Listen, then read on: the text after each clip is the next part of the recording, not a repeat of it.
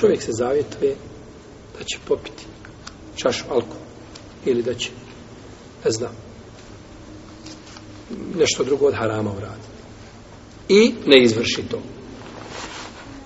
Nije izvršio šta svoj. Onaj ko ne izvrši zavjet, treba da se šta? Iskupi. Da li čovjek koji se zavjetuje na haram, pa ne ispuni, mora se iskupiti? To je razilaženje među islamskim učenjacima, kao i po većini pitanja. Kaže Maliki Šafija i jedan i vajt od imama Ahmeda da se ne mora iskupiti. Kažu imamo prvo hadis kome je poslanik sallallahu alaihi sallam kaže La nezre fi masije nema zavjeta u nepokornosti. Nema zavjeta u nepokornosti.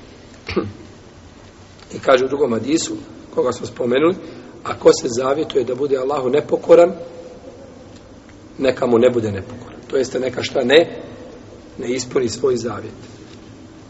I ona se žena zavjetovala da će zaklati rabba, devu poslanika, sallallahu alaihi sallam, ako dođe u Medinu. Pa je rekao, ružno je ono na što se zavjetovalo. Pa je nije dozvolio, znači, da se da to ispuni. A je li je naredio da se iskupi? Nije. Nije. Pa kaže ovi učenjaci šta? Šta? neće ispuniti i neće se iskupiti. Kaže Ebu Hanife i Seuri, i to je dan i vajatelj imama Ahmeda, sve se prenosio od Ibnu Mesouda i od Džabira, od Imrana i Novosajna i drugi, da se mora iskupiti. Ebu Hanife kaže da se mora iskupiti.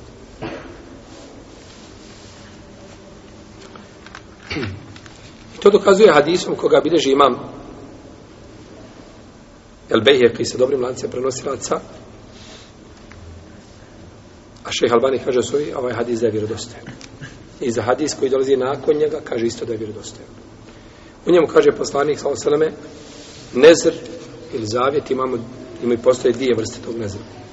Kaže ono što je Allahu treba ispuniti. Što je Allahu treba ispuniti. A ono što je šeitanu ne treba ispuniti, treba se iskupiti kao za zakladnje ono što je Allahu. Može li Allahu biti da ćeš ne znam, izudarati komšiju? Allahu ili šeitan? Ili da ćeš, ne znam, učiniti kakvu drugu zabranjenu stvar? To je šeitanu. Kaže, a to što je šeitanu, nećeš ispuniti, nego ćeš se šta? Iskupiti. Imamo drugi hadis najviše od Abu Dawuda i drugi da je poslanik sa osanem rekao nema ispunjenja zavjeta koji je nepokornost, a iskupina za to je kao iskupina za zakljet. Šeha Albani kaže da oba dva hadisa da su vjerodostojni. Džumur Leme kaže suprotno. Džumur Leme kaže da se ne treba iskupiti. Ako je ova vjerodostojnost ovih hadisa potvrđena, onda je nema sumnje više nije Buhanife jače. Je li jače od onih prvih argumenta? A? Jedni i drugi imaju, tako? Pa naravno da imaju jedni i drugi argumenta. U prvoj, ovo je skupna argumenta, nema zavjeta u nepokornosti. Spominjala se tu iskupina? Spominjala. Kada je poslanik za sam ovoj, devi, za, ovoj ženi zabranio da zakolje devu, je li spomenuta iskupina?